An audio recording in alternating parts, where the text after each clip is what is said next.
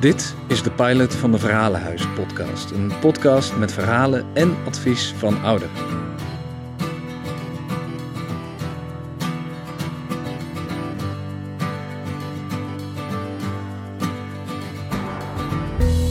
Nou, ik vind het gewoon een, een heel mooi begin. Moet ik gewoon dat zeggen voor de microfoon? Ik zeg wel eens iets. Maar er is nog geen één die gezegd heeft waar bemoeid te waren mee. Dat is ook maar zo'n mooi verhaal. Wel geen onzin. En ik kan kletsen zonder, zonder te drinken. Anderen hebben altijd een neutje nodig. Maar ik ken dat een glas water. En dat heb ik nog niet eens nodig. Nee. Is er iets wat u nog heel graag kwijt wilt? Nee, ik ben nou eigenlijk al veel te veel kwijt. Welkom dus bij wat de pilot is van een nieuwe podcastserie. Ik ben Dennis Schaans. In de Verhalenhuis podcast willen we u elke aflevering verhalen van ouderen brengen en ze ook nog eens om advies vragen.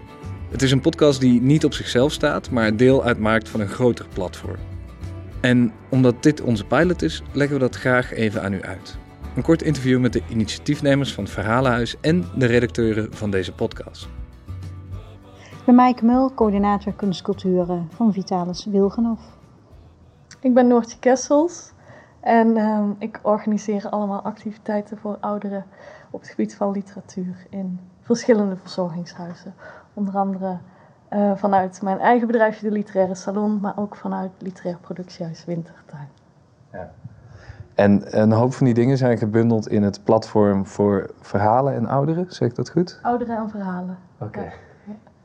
Het platform voor ouderen en verhalen is een eh, bundeling van eh, activiteiten op het gebied van eh, kunst en cultuur en vooral literatuur, waarbij de ouderen en hun verhalen centraal staan. En de ondertitel van het platform is ook wel proza in plaats van prozak. Vanuit het idee dat met kunst- en cultuurprojecten voor ouderen haal je ze uit hun isolement. Ja, en misschien niet alleen uit het isolement. ehm, ouderen hebben ons denk ik ook heel veel te bieden. Ze hebben heel veel verhalen. Als je kijkt dat binnen zorginstellingen eh, ouderen gemiddeld leeftijd hebben van 86. 86 jaar levenservaring. Ja, die hebben veel te melden. En eh, als je kijkt binnen de zorg worden ze natuurlijk altijd aangesproken op wat ze nodig hebben. Maar wij proberen ze juist aan te spreken op hetgene wat ze ons nog te bieden hebben. Ja. En al die verhalen eh, halen we boven door middel van allerlei projecten. Het kan zijn door middel van een toneelvoorstelling, een, een, ehm, inderdaad een verhalenhuis waar ze letterlijk zelf gaan schrijven. Of verhalen die omgezet worden in een tentoonstelling, in de breedste zin van het woord. Ja, je noemde het Verhalenhuis al. Mhm. Dat is natuurlijk ook waar we hier nu mee bezig zijn. Kun je uitleggen wat het Verhalenhuis is? Het Verhalenhuis is een talentontwikkelingsprogramma voor 80-plussers. Jonge professionele schrijvers begeleiden ouderen bij het oproepen en optekenen van hun verhalen. En aan het eind presenteren we die verhalen online, eh, op het podium en in een eh, uitgave. En hoe werkt die begeleiding? Die begeleiding bestaat eruit dat eh, de schrijver iedere keer een thema uitkiest. Dus bijvoorbeeld reizen of het huis waarin je bent opgegroeid, dieren, dat soort dingen. En aan de hand van een opdracht, meestal eerst een brainstorm-opdracht, eh, worden er eh, nieuwe teksten op papier gezet. En dan eh, vervolgens herschreven. Dus de schrijver geeft een tip van misschien kun je dit nog verder uitwerken of dat juist schrappen. En zo ontstaat er iedere bijeenkomst een nieuwe tekst. Verder wordt er gebruik gemaakt van een speciaal ontwikkeld decor met eh, oude gebruiksvoorwerpen en andere artikelen om het eh, oproepen van de herinneringen te stimuleren. En soms leest de schrijver een gedichtje of een kort tekstje voor ter inspiratie. Ja, volgens, volgens mij hebben we het wel een beetje zo, toch? Nu is er, waarom hebben we nu een podcast eigenlijk? Omdat eh, een heleboel ouderen heel goed hun verhalen kunnen vertellen. En we het, eh, minder goed zijn in het schrijven. En om ook die prachtige verhalen een podium te geven, hebben we nu een podcast. En omdat het denk ik een middel is om het heel snel eh, te kunnen verspreiden en eh, de wereld ervan op de hoogte te brengen. Hoe mooi deze verhalen wel niet allemaal zijn. Ja. Nou ja, heel snel, heel snel. Ja, dat ligt aan jou. Maar als het eenmaal klaar is, dan is het met één druk op de knop zo verspreid. Toch? Dat is waar. Ja. Ja, en het feit dat u dit nu hoort, betekent natuurlijk dat dat gelukt is. Wat mag u verwachten? Nou, elke aflevering willen we u verhalen brengen van ouderen. Verhalen rondom een thema. Het thema van deze pilot is liefde en seksualiteit. Want hoe zat dat vroeger eigenlijk? We legden het voor aan de bewoners van verzorgingshuis Vitalis Wilgolf in Eindhoven. En als eerste antwoord op die vraag het verhaal van Jan. Wij waren met vier vrienden bij elkaar. Drie altijd en de vierde was eh, ja, minder bij betrokken. En wij gingen fietsen en op een gegeven moment het regende dat goot. En na- naast de kerk stond een blok huizen met een gangetje. Ik weet niet of je die ooit... Ja. Die zie je nog wel. Ja. En daar waren wij met z'n drieën ingeschoten. En daar stonden we te schuilen. Laat nou op dat moment het lof uit zijn. en de moeder van mijn toekomstige vrouw, die had de dochters naar het lof gestuurd. Want dan waren ze veilig. En eh, nou ja, als daar drie jonge dames komen en drie mannen die in dezelfde leeftijd. Die dames werden ook nagefloten, denk ik, net, net zo goed als nu. Nou, die kwamen schuilen. En dat is dus, ik ben de eerste geweest. Er werd een verkering. En twee vrienden van mij, die gingen met twee zussen mee. Maar dat, dat was al eerder bij mijn thuis en bij hun thuis bekend dat wij verkering hadden. En we hadden niet eens verkering, want we zagen elkaar voor de eerste keer. En we komen binnen. En Jopie, dus mijn vrouw heette Jo, maar ik heb er Jopie van gemaakt. Eh, ik kom binnen, zegt ze, ik heb een vriend meegebracht. En, eh, hoe wat er gebeurd is, dat weet ik niet. Ik weet alleen dat ik achteraf heb horen zeggen, eh, het is hier geen een vriendje meebrengen en na een week weer een ander vriendje. Nee, dat gebeurt hier niet, zeg je. Dan zijn je al mee bij de eerste.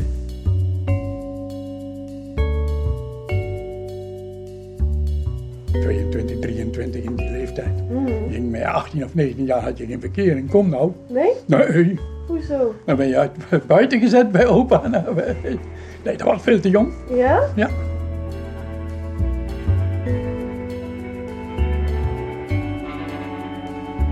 Vijf jaar verkering was maar gewoon hoor. En waarom was ze gewoon? Je, je moest werk hebben, want er was veel werkloosheid. Je had geen woning. Ergens inwonen, dat gebeurde maar meestal niet, want er waren daar al zoveel kinderen, er was gewoon geen slaapplaats. Een verkering van vijf jaar was maar hier gewoon. Ja. Ik heb er ook vijf jaar over gedaan. Maar denk erom verder niks, hè? Nee? Nee.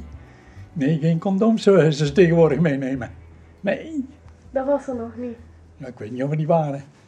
Je kreeg gewoon de kans niet. Nee. Nee. En dan moest je daar van biechten ook nog als je condooms gebruikte. Dat Ja? deed je toch al helemaal niet.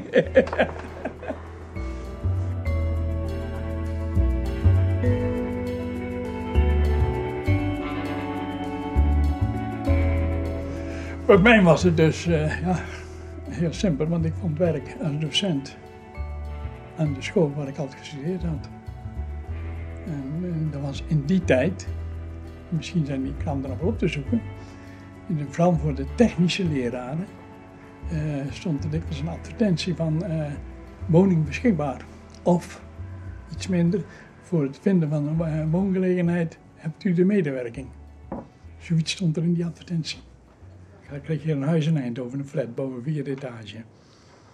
En eh, zoals dat toen het gebruikelijk was, eh, ik was dus alleen nog. Hè. En ik was thuis aan het inrichten, denk ik. Er komt, de pastoor die komt op bezoek. En dat gebeurde in die tijd, want de pastoor die was mensen aan het zoeken die wat op een andere vooropleiding hadden, die wat konden doen in zijn kerk. Hè. En eh, je bent nog niet getrouwd? Nee, dat kan nog niet, want de vaste eh, begint pas met Pasen. Ja, zegt hij, maar je gaat zo lang niet wachten, zei die pastoor. Als je wil, dan kom maar, zegt hij, dan trouw ik je zondag onder de eerste mis. Of je dat bedoelde, dat weet ik niet. Maar goed, in, in die week vertelde ik dat daar in dat gezin. En dan zat mijn toekomstige schoonvader zat erbij. Hij zei, als het zo nauw moet, zei hij, dan ga maar, maar ik kom niet. Echt? Die nam dat serieus op. Dat was helemaal niet serieus bedoeld.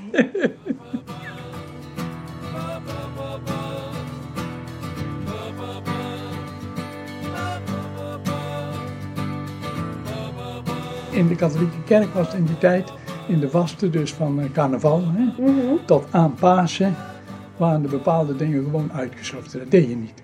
En trouwen was er één van. Je ging in die tijd niet trouwen. Nee hoor.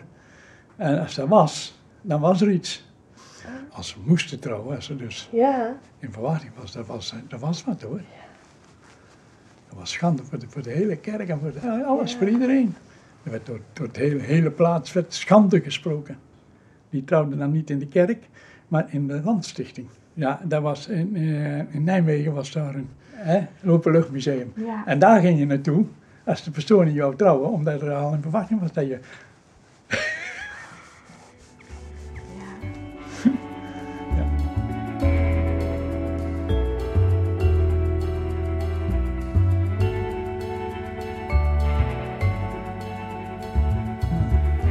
hij ook een aanzoek gedaan. Ze nou doen? Nee, ik kom nou.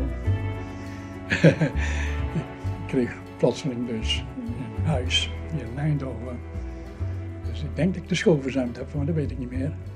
En ik heb ze in het bos opgepikt. En we zijn samen naar Os toe gegaan. En toen kwamen we bij de schoonouders, nou tegenwoordig schoonouders binnen. En die wisten niet wat ze zagen, midden in de week op een woensdag of een donderdag, weet ik veel. En de deur ging open en ik hoorde oma nog zeggen van... eh, Jo en Jan die gaan trouwen. En ik had, hadden nog niks gezegd. Want ik kwam door de week niet. En zij, en zij kwam ook door de week niet. Nee. Ja. Ja, zo snel mogelijk. En, eh, nee, dinsdags na Pasen. Want we hadden het samen over maandags. Omdat eh, als we vroeger trouwden, eh, er nog geen geslachtsgemeenschap plaats kon hebben. Omdat mijn vrouw nog, in, de- hoe noemen jullie dat? De periode. De periode had. Ja. Dus, en eh, dat kon dus niet. En toen zei mijn schoonmoeder, ja, zegt ze, maar ik wil ook toch wel een dag hebben, dat de eerste dochter die trouwt, dat ik een beetje voorbereiding kan treffen. En we zijn dinsdags na Pasen, of woensdag na Pasen getrouwd.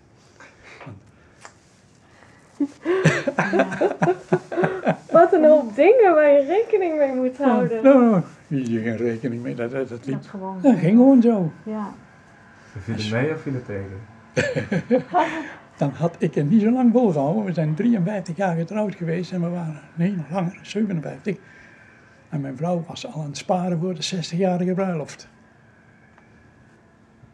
Maar dat was heel gewoon. eh, ja, natuurlijk.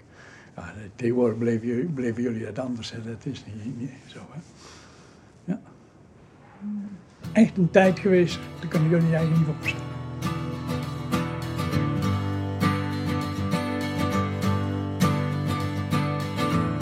U hoorde het verhaal van Jan. En ik wil nog even terugkomen op een detail uit dat verhaal. En wel dit. Nee, geen condooms zoals ze tegenwoordig meenemen. Nee. Dat was er nog niet. Ja, ik weet niet of we die waren. Nou, daar waren wij natuurlijk ook wel benieuwd naar. Dus wij dachten, we gaan op onderzoek uit. En het leek ons logisch om die vraag, waren er condooms in die tijd, voor te leggen aan iemand die jarenlang werkte bij een drogisterij. Maar is dat wel zo logisch? We vroegen het aan Bea. Ja, wat verkocht je? Wat verkoop je in een drogisterij? Toen dat tijd had je zelfs nog verf en behang. Ja, en wat verkocht je? Dat is er allemaal niet meer. Er is nog Saridon. Maar alle samenstellingen van akkertjes, reumin, Chevrine 4, Saridon. Eh, allemaal voor hoofdpijn en buikpijn en pijn een kleine vinger en een grote teen. Nog nooit van gehoord. Nee, maar dat is er allemaal niet meer. Nee. Een drogisterij, dat is voor het niks meer. Een drogist kan niet meer bestaan, Nee. want het kruidvat is gekomen. Hè? Ja. En wat verkoopt hij? Ja, sh- eh, Wat bedoelt u? paracetamol. Paracetamol. ja. paracetamol. En voor Ja. de rest is er niet meer veel. Nee. Ja, voor, tandpasta verkocht je op. Ja. Maandverband en op. eh, Ook al- soorten. Ook al voorboedsmiddelen, zoiets was dat er al? Condooms? Nee? Boven de rivieren wel. Ja? Maar onder de rivieren niet. En dat verkocht Schenkske. En Schenkske, dat was Chineesje. Ja? En die woonde op de Dommel, daar stond een huisje. Ja? En die stond de Floralaan, weten jullie Ja? dat? Waar de weg naar Maastricht begint. Ja. Ja, dat was vroeger niks. Dat was er niet. En daar stond hij met zijn lektoeten en eh, pindabrokken. Die liep zondags al in het stadswandelpark. Met zo'n groot vierkant tablet van 40, 50 centimeter bij een meter. Zijn band achterover zijn nek. En die verkocht onder de toonbank al Condooms. condooms. En de condooms die in Nederland kwamen, van hieruit namen ze de roomboter mee, de mijnwerkers de roomboter mee naar België. En van België brachten ze condooms mee. En dat waren die in de vrije verkoop. Want boven de rivieren verkochten ze wel condooms onder de toonbank. Want eigenlijk mocht een een drogist geen condooms verkopen. Moest een dokter voorschrijven.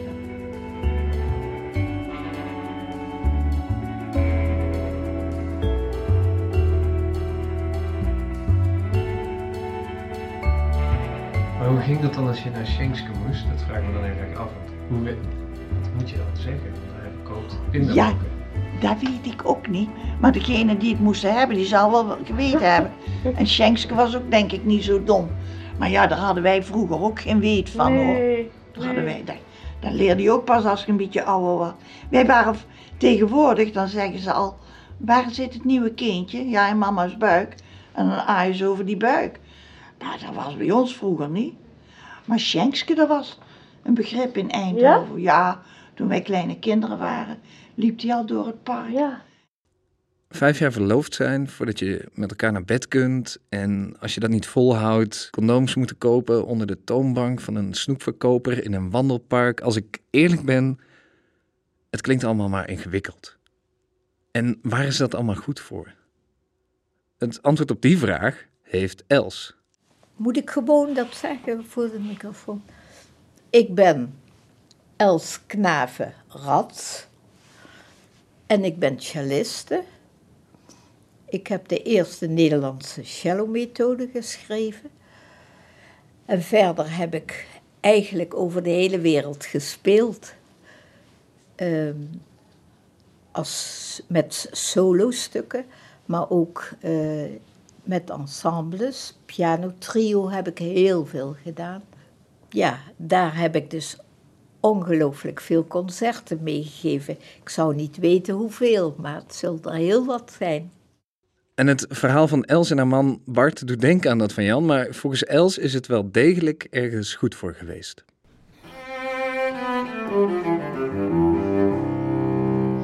Ik zal je zeggen, dat was dus direct na de oorlog. Toen mijn vader had een heel groot huis op de oog in Amsterdam, omdat wij dus alle drie naar het conservatorium zouden gaan. En toen dacht hij, eh, als architect, hij was dus architect, kan ik overal wonen, want hij had werk door het hele land, dus dat deed voor hem dan niet toe.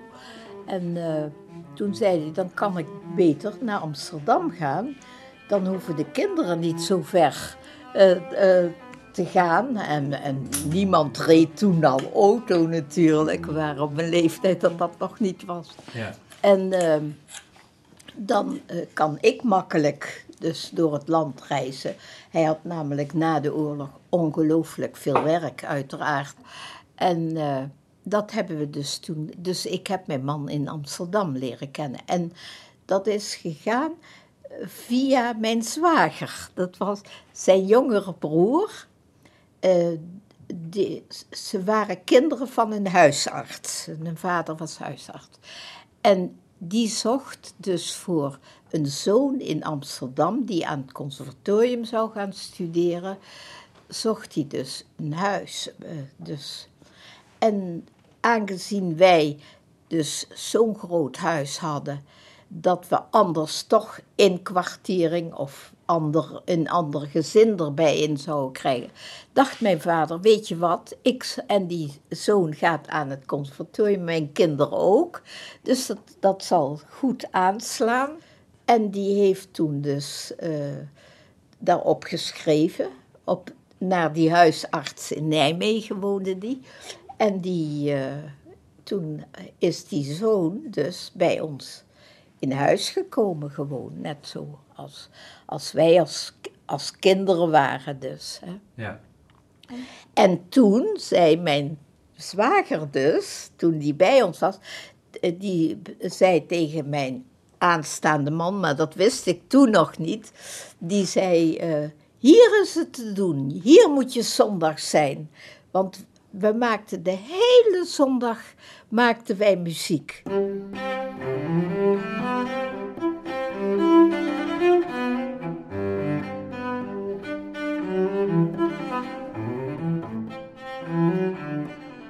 Of dat liefde op het eerste gezicht was, dat weet ik niet. Van hem zeker wel.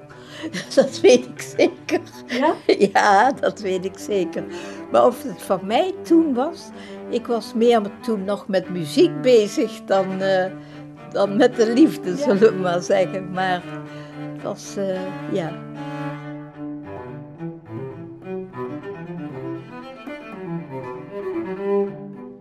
Maar eh, we wisten wel al gauw dat we, ja, dat ik, ik wist wel dat ik verliefd op hem was. Ja. Ja?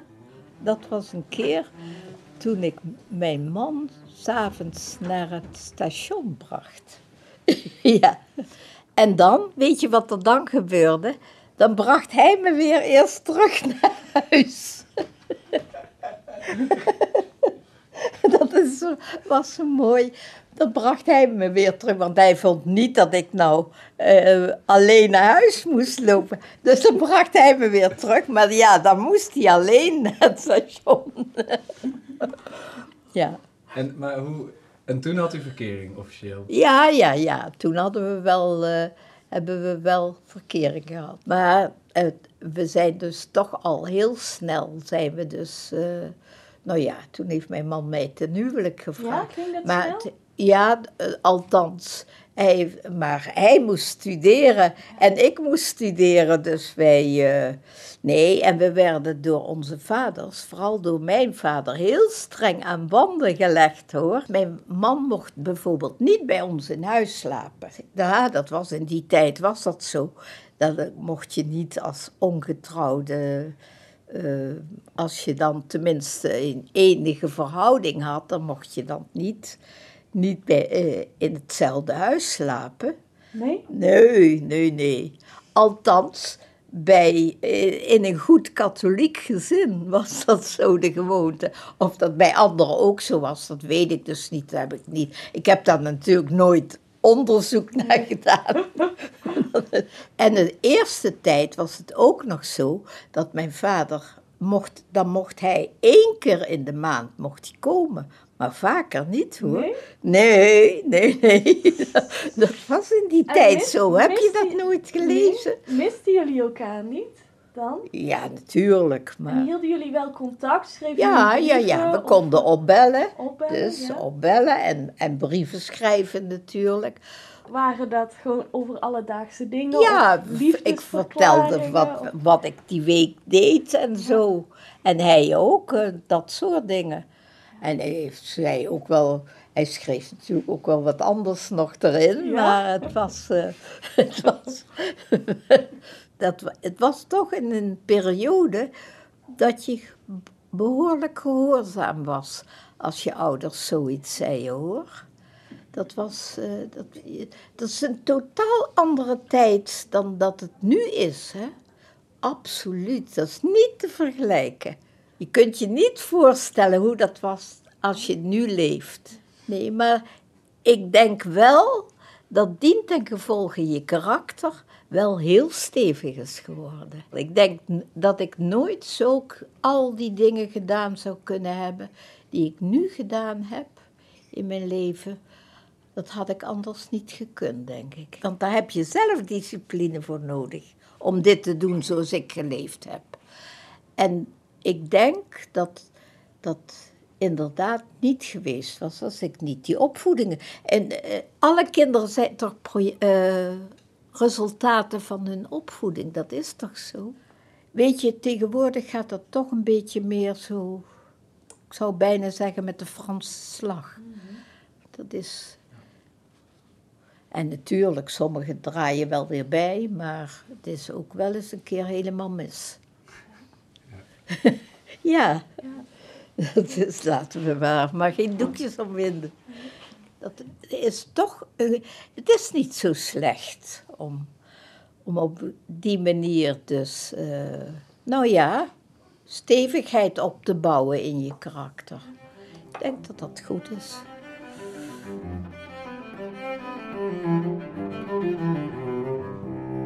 Stevigheid in je karakter. Misschien heeft Els wel gelijk. En eerlijk is eerlijk, ik kan me ook wel voorstellen dat zoiets je houvast geeft.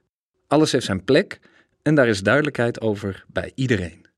Heel anders is dat met een verhaal dat ons ter oren kwam toen we opnames aan het maken waren in Wilgolf. Dat heeft alles te maken met het kunstproject DIS. Dat is een landelijk project waarbij de ontmoeting tussen generaties centraal staat. Zowel ervaren topkunstenaars als jonge honden hebben werk gemaakt dat geïnspireerd is op het gedicht Dis van Jean-Pierre Ravi. Een van die werken, Die zoeken naar Frieden im Kopf, van Rogier Walrecht. En het is dit werk in het bijzonder dat voor enige ophef onder de bewoners van Vitalis Wilgolf zorgde. Jeannette legt het u uit. Ja, ja dus eh, over eh, deze afbeelding.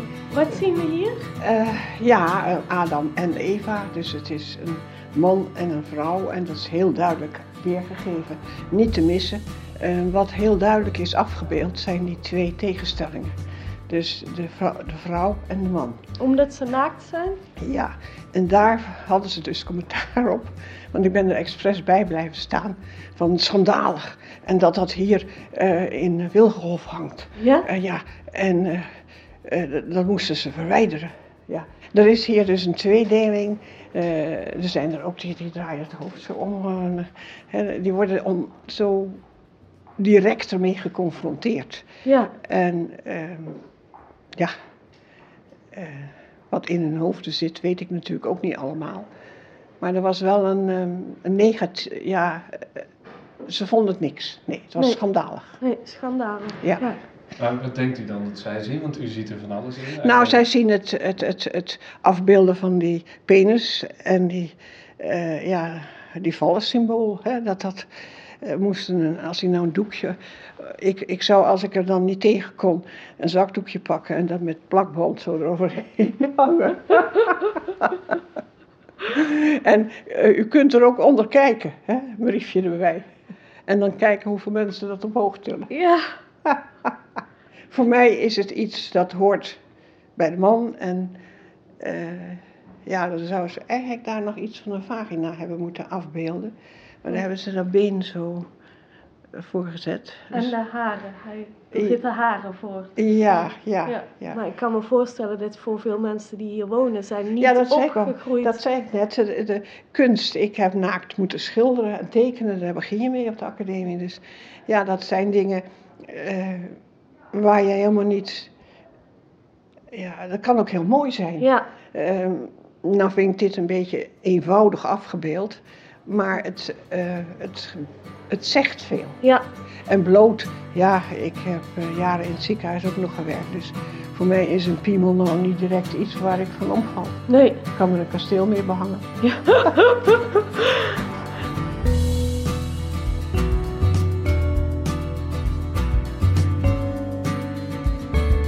En ik heb ook wel oudere mensen in Zandvoort aan zee, eh, de zee in zien gaan. Dan dacht ik, nou nee. Eh, dan was ik dus een heel stuk jonger. En dan dacht ik, nou die oude eh rotten die daar de zee in rennen in hun naakje. Nee, zo wil ik het met allemaal van die rollers. Hè. Zo, eh, ik denk hoeveel rollers hebben ze dan? Een stuk of vier. Dan vind ik het niet zo mooi meer. Nee. Maar op zich zou je dat natuurlijk hier ook hebben kunnen hangen. Ja. Dus in plaats van die prachtige slanke vrouw, een oudere vrouw en een oudere man. Maar ik weet dus niet wat daar het commentaar op zou zijn. Ik weet het niet. Dan zou ik waarschijnlijk zeggen, nou dan ben je zelf.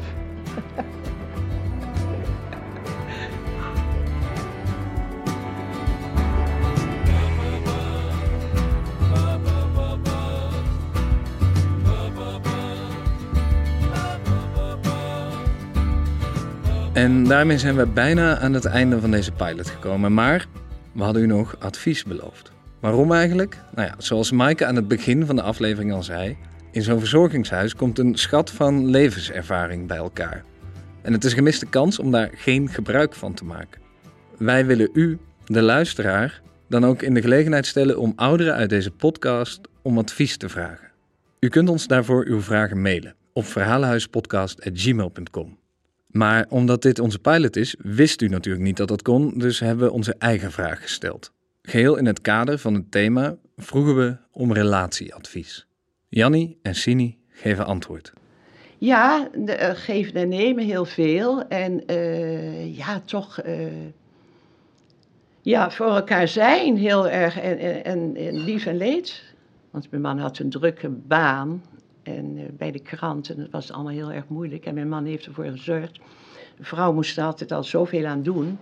Dat de vrouwen daar ook een beetje eh, gewaardeerd werden. Ja. Ja, dat ik een brief kreeg van die directie van... eh, ja, dat het toch wel heel bijzonder was dat je altijd die telefoontjes allemaal aannam. En, In ieder geval ook zorgen dat je een eigen mening hebt. En als je die weggeeft, dan ben je er. Dat moet je niet doen. Je moet wel een eigen mening zeggen. En als ik dat wil, dan doe ik dat. Ja, En ik, als ik zeg dat het zo is, dan is het zo. ja. Zo moet je wel een beetje leven. maar veel respect voor elkaar hebben. Heel veel respect. Kun je dan luisteren wat een ander jou vertelt, of doe dit maar, of doe dat maar. Dan kun je ja en namen zeggen en dan moet je gewoon denken, dag. En Hij kan dan maar denken dat ik dat geloof, maar mooi niet. En veel kunnen verdragen. Maar tegenwoordig leven de mensen heel anders. Wij, wij deden alles samen. En eh, tegenwoordig hebben die, eh, zie je het aan mijn eigen kinderen, die hebben ook allemaal veel hun eigen dingen, hun eigen leven. Eh, dat ze met vrienden, met eigen vrienden omgaan en vriendinnen. En dat was vroeger toch anders. Dat was meer behoudend. Ja, en je moet ook een beetje humor in het leven houden, want als je zo saai bent, dat is ook niet. Als je verliefd bent kun je, kun je ontzettend lief voor elkaar zijn. En alles zijn voor elkaar dus. Ja. Ja, geven en nemen. Ja, wij waren tot laatste toe verliefd op elkaar. Totdat mijn man de laatste, dat hij stervende was. Ik mocht de laatste nacht bij hem liggen. En we hebben nog zoveel kunnen praten.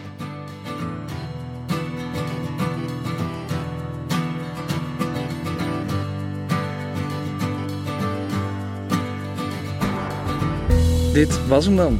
De pilot van de Verhalenhuis podcast. Wij zijn heel erg benieuwd naar wat u ervan vond. Wat vond u interessant? Wat viel tegen? Wat kunnen we beter doen? Laat het ons weten op verhalenhuispodcast.gmail.com. En daar kunt u dus ook uw vragen voor ouderen kwijt. Ons eerste echte seizoen verschijnt in september dit jaar. Als je je abonneert op de podcast via je favoriete podcast-app, dan mis je het begin niet. De Verhalenhuis podcast is een productie van Ondercast in opdracht van de literaire salon, Vitalis en literair productiehuis Wintertuin. Samen vormen zij het platform voor ouderen en verhalen. Meer informatie op hetverhalenhuis.net. De redactie van deze podcast, Maaike Mul, Noortje Kessels en ik, Dennis Schaans. De muziek is speciaal voor ons gemaakt door Donka. En deze aflevering bevatte extra muziek van Colin Carr, die de cello suite nummer 3 van Bach speelde bij het verhaal van Els. Met heel veel dank aan onze verhalenvertellers Jan, Bea, Jeannette, Els, Jannie en Sini voor hun verhalen. En bedankt natuurlijk aan u voor het luisteren.